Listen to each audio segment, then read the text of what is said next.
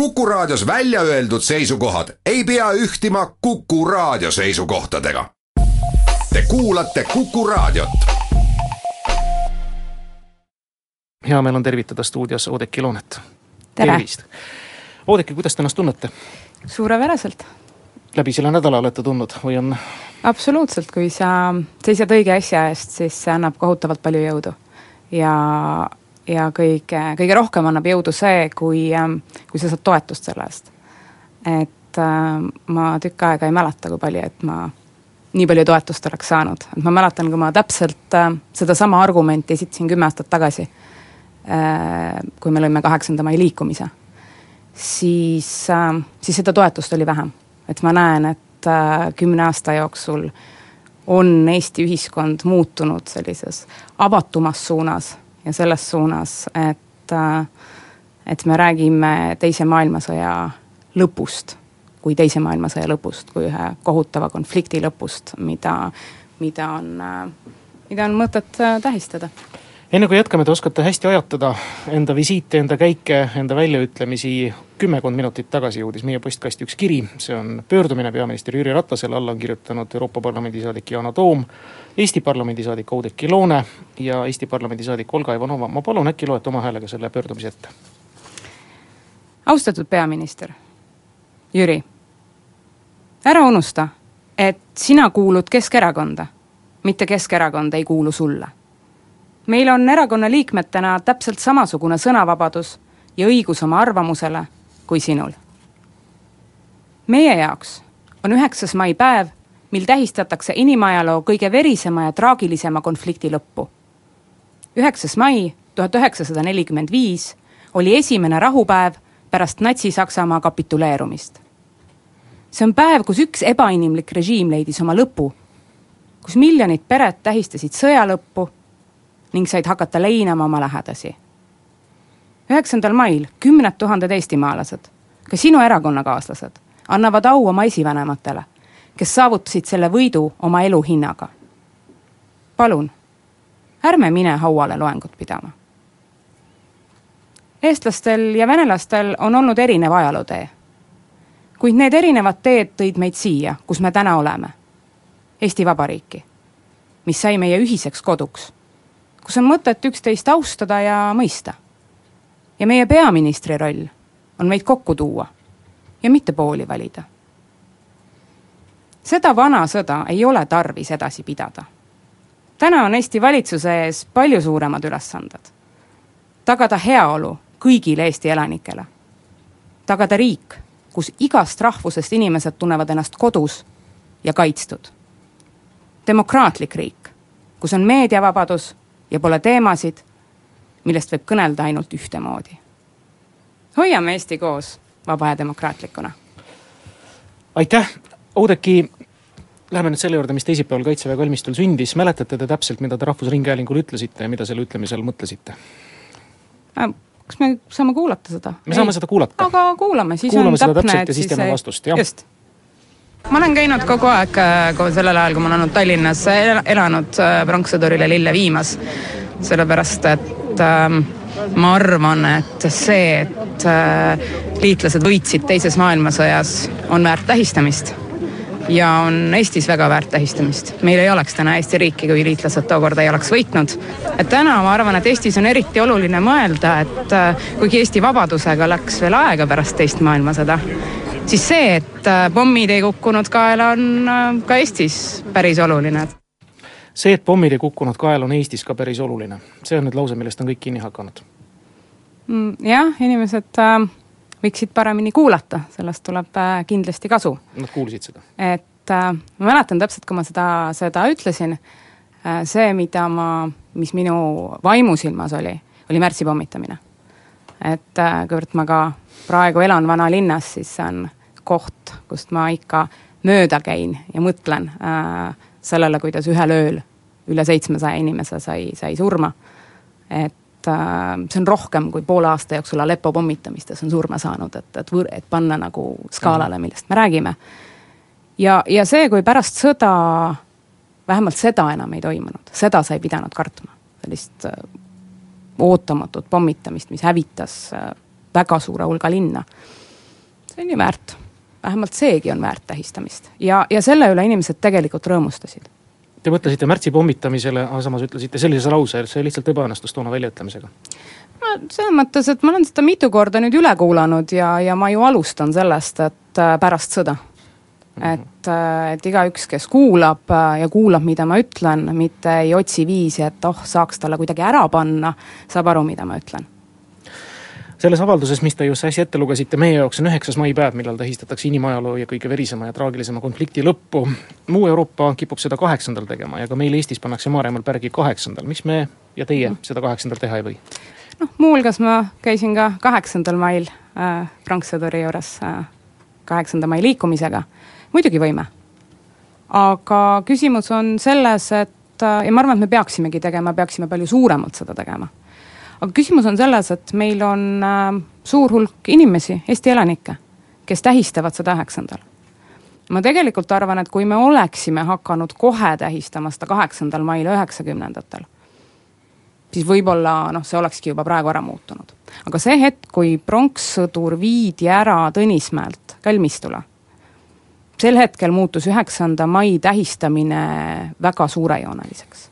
et enne seda oli valik praegu ma tahaks, et meil oleks ka see valik, aga mul on tunne, et ei ole. praegu selleks päevaks paljude jaoks, just nende jaoks, kes leinavad oma lähedasi, just nende jaoks, äh, kes tulevad ja ütlevad, et äh, minu pere elas Leningradi blokaadi üle.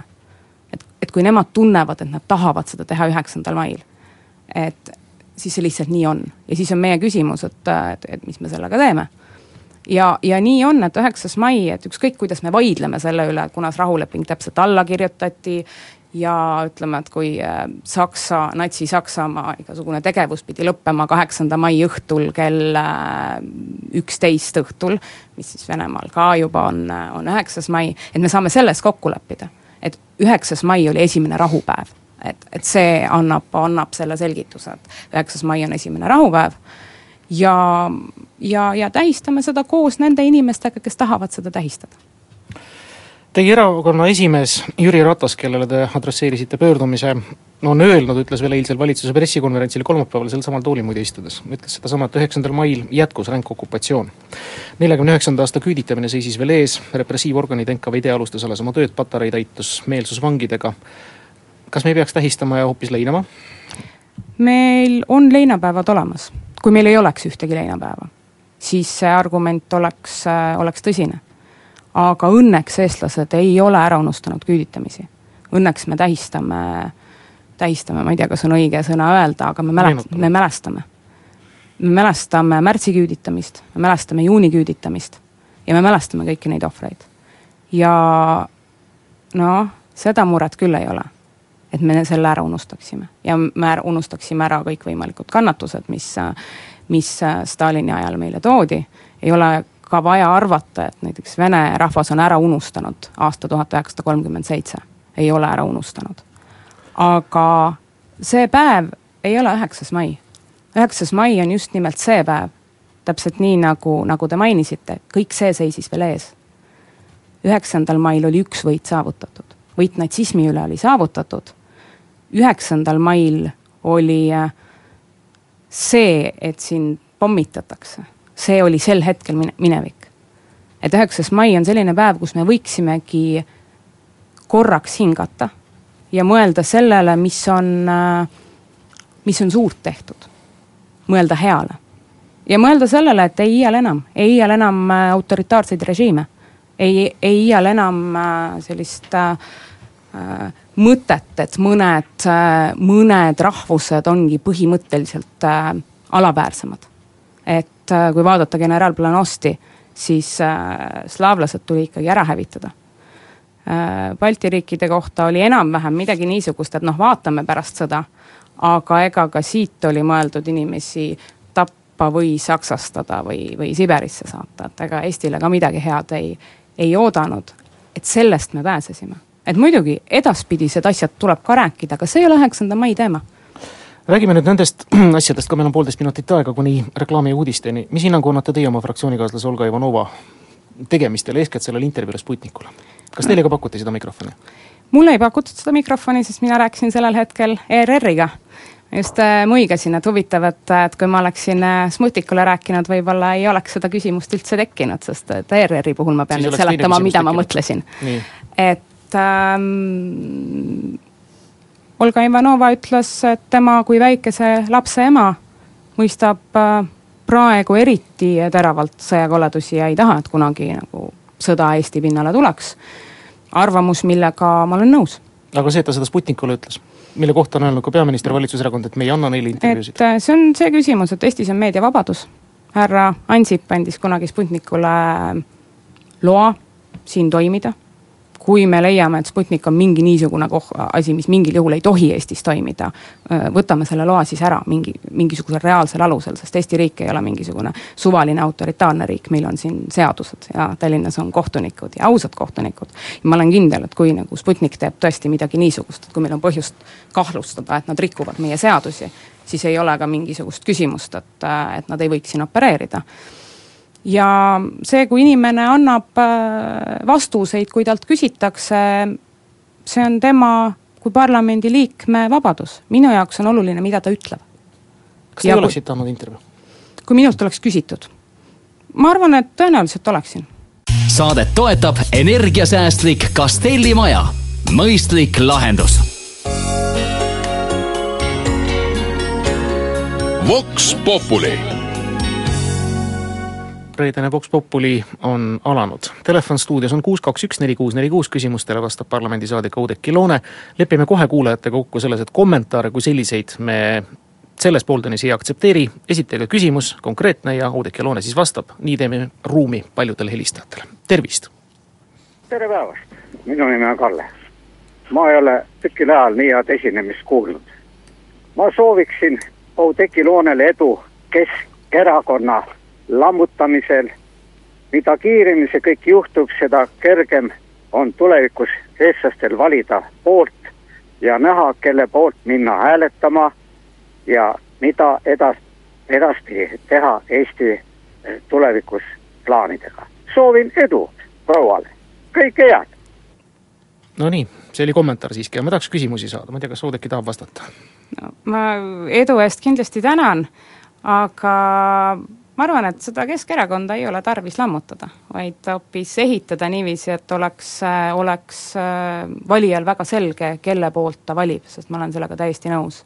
et äh, poliitikud peavad oma vaateid selgelt väljendama ja inimesed peavad teadma, millise programmi eest äh, nad hääletavad, et me opositsioonis ja koalitsioonis räägime ühtemoodi ja mõtleme ühtemoodi ja ei muuda oma arvamusi suvaliselt, et ma arvan, et teil on õigus. tervist! tervist! Ma tahaks küsida, kas Oudekki Loone ikka saab aru, kus riigis ta elab? seepärast, et peale teist maailmasõda, just peale seda võitu, tekkis ju to-, poolel Euroopal tohutud kannatused. ja see, see, see pidu, peopidamine, see võiks olla tõesti naaberriigis, need, kes need võitjad olid. aga antud juhul oleks seesama, kui ma läheks pidutsema oma esivanemate hauale. ja siis peaks pidu ja nende samade mõrtsukatega ühises, ühiselt istuks ja jooks seal ka viina aitäh helistamast, piirdume küsimusega, niisiis Oudekki Loone, kas te saate aru, kus riigis te elate? aitäh, ma olen äh, Eesti Vabariigi Riigikogu liige ja ma olen tõotanud jääda usk-, ustavaks meie põhiseaduslikule korrale, mis on demokraatlik, mis on ja mille põhiseadus eitab sellist natsismi. seega ma arvan, et on äh, on väga kohane öelda, et me eitame igasugust autoritaarsust. Telefon kuus, kaks, üks, neli, kuus, neli, kuus on taas helisenud, tervist! Nonii, selliseid kõnesid on raske vastu võtta, aga ootame ikka. kuus, kaks, üks, neli, kuus, neli, kuus ja helistaja liinil, tervist! ei saa siit midagi kätte. no seni, kuni helistajat ootame, ma küsiks reaktsioonide kohta, teil oli eraldi ekstra juhatuse koosolek, mis teie kahe kaitseväe kalmistul käimise, muuseas, ega te ei olnud ainukesed, Mihhail Stalnuhhini pilt oli ka seal kuskil. Yana Toom käis ka. Yana Toom käis ka, aga sinna vist kaamerad ei jõudnud, et äh, kuidas siis oli, kas karjuti palju? Eh, juhatuse koosolekul? no seda meil päris vist juhatuse äh, koosolekul, kus mina olin, ei, ei karjutud, et mina seda ei kuulnud. Ja vaieldi sellel teemal, kas äh, Sputnikule võiks anda intervjuusid või mitte, et meil selles osas ei ole mingisugust nagu ühist arvamuse kujundust kunagi olnud. ja meil on väga palju inimesi, kes on, kes on pikalt neid intervjuusid ka andnud, et äh, seda härra, härra Stalnuhhin on kümmekond intervjuud andnud, sest kui inimesed seda loevad, siis on ju parem, kui nad loevad sealt inimesi, nende inimeste seisukohti, kes Eesti riigist äh, hoolivad, et, et see on olnud ka nende inimeste põhimõte, kes Sputnikuga räägivad, et põhiliselt me rääkisime sellest. ja nüüd on helistaja, tervist! tervist, küsimus, kas äh, saatekülaline saab aru, äh, kas Eesti oli peale üheksandat maid nelikümmend viis okupeeritud või ei olnud mm? -hmm. aitäh ähm üldiselt ähm, see, mõnikord küll ajaloolased vaidlevad, aga kui me vaatame seda, kuidas meie riiki taastati, et kui seda taastati järjepidevuse alusel, siis järjepidevuse alusel taastamine muidugi ütleb, et poliitiliselt me ütleme, et me olime okupeeritud. kuus, kaks, üks, neli, kuus, neli, kuus on taas vaba ja nüüd taas kinni, tervist! tere päevast! Reili Oudiki Loone Olga Ivanova ja Yana Toom, müts maha teie julguse ees, et te kaitsesite võidupüha tähistamist. ja ma teen ettepaneku eh, kolmel julgel naisel moodustada uus partei marksistliku taustaga. aitäh teile, tere kuulamist! aitäh helistamast, Oudekki, võtate vedu?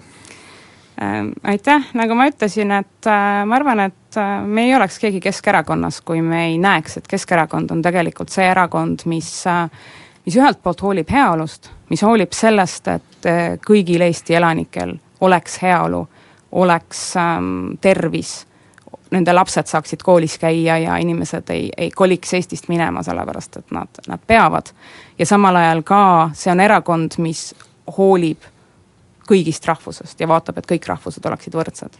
ja kui meil on siin erakonnas mingid inimesed, kes neid kahte põhimõtet ei toeta, siis võivad nemad ära minna, mitte meie järgmine helistaja on liinil, tervist. tervist e,.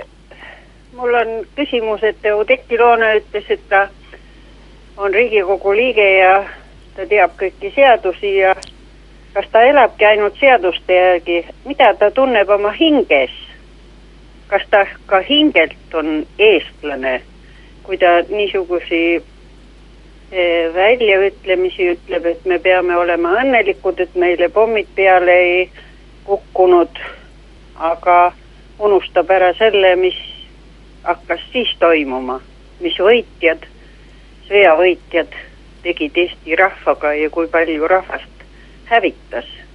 et kui ta on hingelt ka eestlane, siis ta niimoodi ei tohiks nagu minu meelest käituda, et öelda, et ta täidab kõiki seadusi ta peab ka hingelt olema eestlane, ma arvan. aga mulle tundub, et ei ole. et ta on ainult poliitik ja täidab seadusi. suur tänu helistamast! aitäh hmm.! natsid poosid üles minu vanatädi. minu vanatädi oli väga andekas noor bioloog, sellest on just hiljuti avaldati ka üks artikkel Nad poosid ta üles sellepärast, et ta, ta õpetas ka lapsi, pedagoog, viis lapsed loodusmatkale. mõned lapsed olid nende hulgas äh, olnud pioneerid ja sellest natsidele viisas. ma olen hiljem mõelnud, et ei tea, et kas peaks minema ja arhiividest üles otsima, et kes need inimesed olid. ja miks temaga niimoodi tehti. ja siis ma olen aru saanud ka vaadates oma hinge, et kui ma seda teen, ma muutun selliseks nagu nemad natsid. ma ei tee seda. ma olen seda põhjalikult mõelnud, aga ei iial enam see hüüe, mida öeldakse igal pool, kui me räägime Teise maailmasõja lõpust. ei iial enam seda režiimi, tähendab ka seda, et ei iial enam sellist äh, vägivalla korduvat ja korduvat ringi. ma ei taha seda. ma tahan elada vabas riigis. ma tahan elada vabas riigis, kus me ei maksa üks, üksteisele kätte, vaid otsime õnne endale valitud viisil, nii nagu meie õnne, õnne määratleme. eestlane olla tähendab ka vaba inimene olla ja teisi austada, teiste inimeste vabaduspüüet austada. kuus, kaks, üks, neli, kuus, neli, kuus, telefon on taas helisenud, tervist asi on selles, miks Oudekki Loone ei maini seda, kes Tallinnat pommitas, kui ei teada seda. see on. Nii. aitäh, äh, kui me räägime Tallinna märtsi pommitamisest, mida ma enne rääkisin, siis loomulikult äh, pommitasid Tallinnat liitlased, Nõukogude Liidu õhuvägi. ja sõjaga kipub nii olema, et äh, tapavad nii kaotajad kui võitjad ja õudseid asju teevad nii kaotajad kui võitjad ja paraku kipub tõesti olema niimoodi, et äh, kaotajate kuritegude üle mõistetakse pärast veel tagantjärgi kohut ka ja võitjate kuritegude üle vähem. et ma olen, kui ma uurisin immigrante ülikoolis, ma elasin Bolognas, ka Bolognat pommitati sõja ajal liitlaste poolt korralikult, sest Bologna on selline koht, mis on, mis ühendab Põhja- ja Lõuna-Itaaliat ja seal samamoodi üks kõige õudsemaid pommitamisi oli septembris nelikümmend kolm, kus kaks Ameerika pommitajat tulid ähm, äh, tu- kell üksteist hommikul äh, turupäeva kohale, pommitasid äh, väga oluliselt Bolognat, kus sai ka surma tuhande, üle tuhande inimese. see on analoogiline tegelikult meie märtsi pommitamisega. ja mõlemast on väga keeruline rääkida, sellepärast et pommitasid ju võitjad, et, et millest me räägime, et äh, aga tuleb rääkida ja tuleb ka seda mäletada. just sellepärast, et äh, me teame, et võitjad teevad ka, selleks, et sõda võita, tapetakse inimesi ja tehakse kohutavaid asju. ja see on üks põhjus, miks äh,, miks me kõik peaksime ütlema ei, sõda on miski, mida me tahame vältida, sõda ei ole diplomaatiliste, poliitiliste, rahvusvaheliste poliitiliste erimeelsuste lahendamise vahend miks, äh, miks on väga oluline vältida ka sellist võidurelvastumist, sest see kipub viima sõdadeni, kui me vaatame Esimese maailmasõja puhkemist. ma arvan, et äh, väga oluline on, äh, kui me peame, tähistame märtsi pommitamise aastapäeva, rääkida just sellest. et isegi kui me võidame, me võidame midagi väga õudset. me võidame seda kohutavate tegude hinnaga ma ei taha seda hinda rohkem maksta, ma ei taha kunagi näha Eesti pinnal sellist konflikti. Kuus, kaks, üks, neli, kuus, neli, kuus, võtame enne reklaamipausi vastu veel ühe kõne, tervist. kuuleme teid. siin otsustati vaikida. proovime korra veel, kuus, kaks, üks, neli, kuus, neli, kuus, stuudios on Oudekki Loone, vastab täna ausalt kõikidele küsimustele, mis siia meie telefoniliini kaudu jõuavad, tervist tere. hallo. ja teie küsimus, palun, tervist. jah. Ma tahtsin kõigepealt öelda, et ameeriklased pommitasid ka Dresdenit, see oli väga jube. nii et selle me millegipärast unustame ja ameeriklastele ei julge öelda. ühesõnaga, mina tahan öelda seda, et tõesti sõjast on nii palju möödas ja me peame saama läbi omavahel sõbralikult, no venelaste kohta minul on, minu elus olen mina saanud venelastelt rohkem. proua, kas teil küsimus on? rohkem head, jah. Lihtsalt ma tahtsin selles suhtes Oudekut kinnitada, ma ei oska nüüd nagu küsida, ei oska mm, -hmm. lihtsalt tahtsin seda öelda, et peab saama sõbralikult läbi, tänan. aitäh teilegi ja aitäh, et te seda Dresdeni pommitamist meelde tuletasite, et, et vaadates kuidas Saksa linnad on, on kannatanud, et see on taaskord. ja see on ka üks, üks ähm, Saksa rahva tragöödia, Saksa riik pärast sõda lakkas olemast. ja see on üks osa võidust natsismi üle. kui te teete sellise riigi, siis see riik lakkab olemast. ja telefonil on helistaja, tervist. tere, tohib rääkida? jaa, kui teil on küsimus. on, mul on konkreetne küsimus ja küsimus on äh, seltsimees Loonele eelmine vast-, eelmine, eelmine küsija küsis otseselt välja eh, Tallinna pommitamisest, mis oli kolmkümmend aastat hiljem kui Esimene maailmasõda. Miks ta hakkas rääkima Esimesest maailmasõjast? Ja miks ta ei vastanud küsimusele, see on otse küsimus, küsimus on Lõuna-Eestist pärit, küüditatud perekonnast küsimus pärit. aitäh, ootan vastust. see küsimus jäi natuke segaseks nüüd, aga proovime kuidagi järje peale jõuda. võib-olla te lülitasite raadio liiga hilja sisse, et ma alustasin vastust sellega, et loomulikult pommitasid liitlased ja pommitas, pommitasid liitlased, konkreetselt siis Nõukogude Liit, sellepärast et äh, noh, kui on vaja nagu Saksamaale jõuda ja Eesti oli siis Saksamaa poolt okupeeritud, tuli ju kuidagi Saksamaale jõuda. aga taaskord tuleb ka rääkida ka sellest, et sõjas teevad võitjad koledaid asju. kuus, kaks, üks, neli, kuus, neli, kuus on helisõnad, tervist. tervist. minul oleks selline küsimus, et kas Oudekki Loone tunneb vahest äh, pikemalt järele, mõeldes enda ütluste üle ka häbi teinekord. mina näiteks tunnen suurt häbi teinekord äh, Oudekki Loone ütlemiste peale. aitäh, milline hämmastav küsimus mul on, mul on mõnes mõttes elus vedanud, et ma olen alati oma seisukohad selgeks mõelnud. ja kui ma lähen võitlusse, siis ma tean, et ma võitlen õige asja eest. järgmine helistaja, tervist. kas see on raadio? jah. aga praegu ei saa vastata, jah? saab ikka, küsige.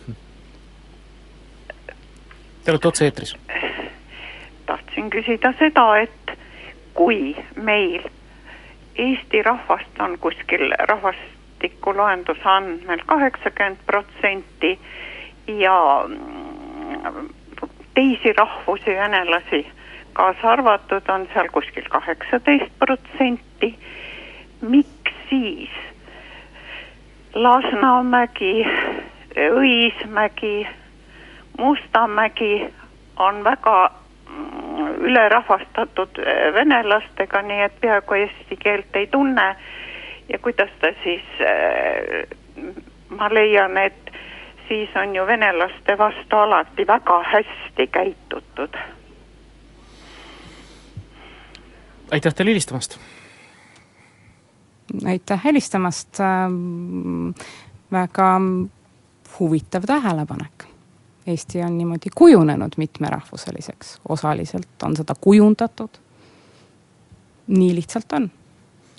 kuus, kaks, üks, neli, kuus, neli, kuus on taas helisõnad, tervist. ma kuulen teid jah, Vallo. ja me kuuleme teid ka, jaa. aga ma kohe edasi, ma tahtsin selle proua käest küsida nüüd sihukest asja või nagu tähendab, tahaks nagu teada, et neljakümnendal aastal, kui venelane tuli üle Eesti piiri aga sakslane kuulutas sõja ju Venemaale ja faktiliselt ju vene rahvas tõi ju sõja, sõjaga ju Eestisse. nii et äh, ma ei tea, ma ei oska nüüd öelda, kuidas nüüd siis mõelda, kas siis tõesti e, e, Eesti Vabariik peab siis tähistama seda kurikuulsat venelaste võitu, aitäh teile. aitäh helistamast, ütleme ära, et Saksa riik kuulutas Vene sõjaväele, sõjaväele neljakümne esimesel aastal. aga see on lihtsalt ajalooline täpsustus, nii. aitäh mm,. see, mida me tähistame, on liitlaste võit. ega Nõukogude Liit ilma Ühendriikide abita, ilma Inglismaa abita ei oleks seda võitu saavutanud. ja vastupidi ka. Stalingradi lahing oli pöördepunkt oli Saksamaa esimene suur kaotus. seal ähm, hukkus, sai vigastada äh, üle miljoni inimese. et ähm, Vene inimesed äh, võitlesid selles sõjas oma riigi vabaduse eest ja nende võitlus äh, väga selgelt andis oma panuse ka üldse Natsi-Saksamaa allutamisele. see, kuidas Leningrad vastu pani mm, Leningradi blokaadile. et äh, see kõik äh, väärib austamist, austame seda. järgmine helistaja, tervist. tervist, ma, ma tahaks küsida seda, et Eesti ajaloos on tuntud äh, Johannes Lauristin, Jaan Anvelt, Neeme Ruus ja ütleme Allik, kas äh, Loone on nende mõttekaaslane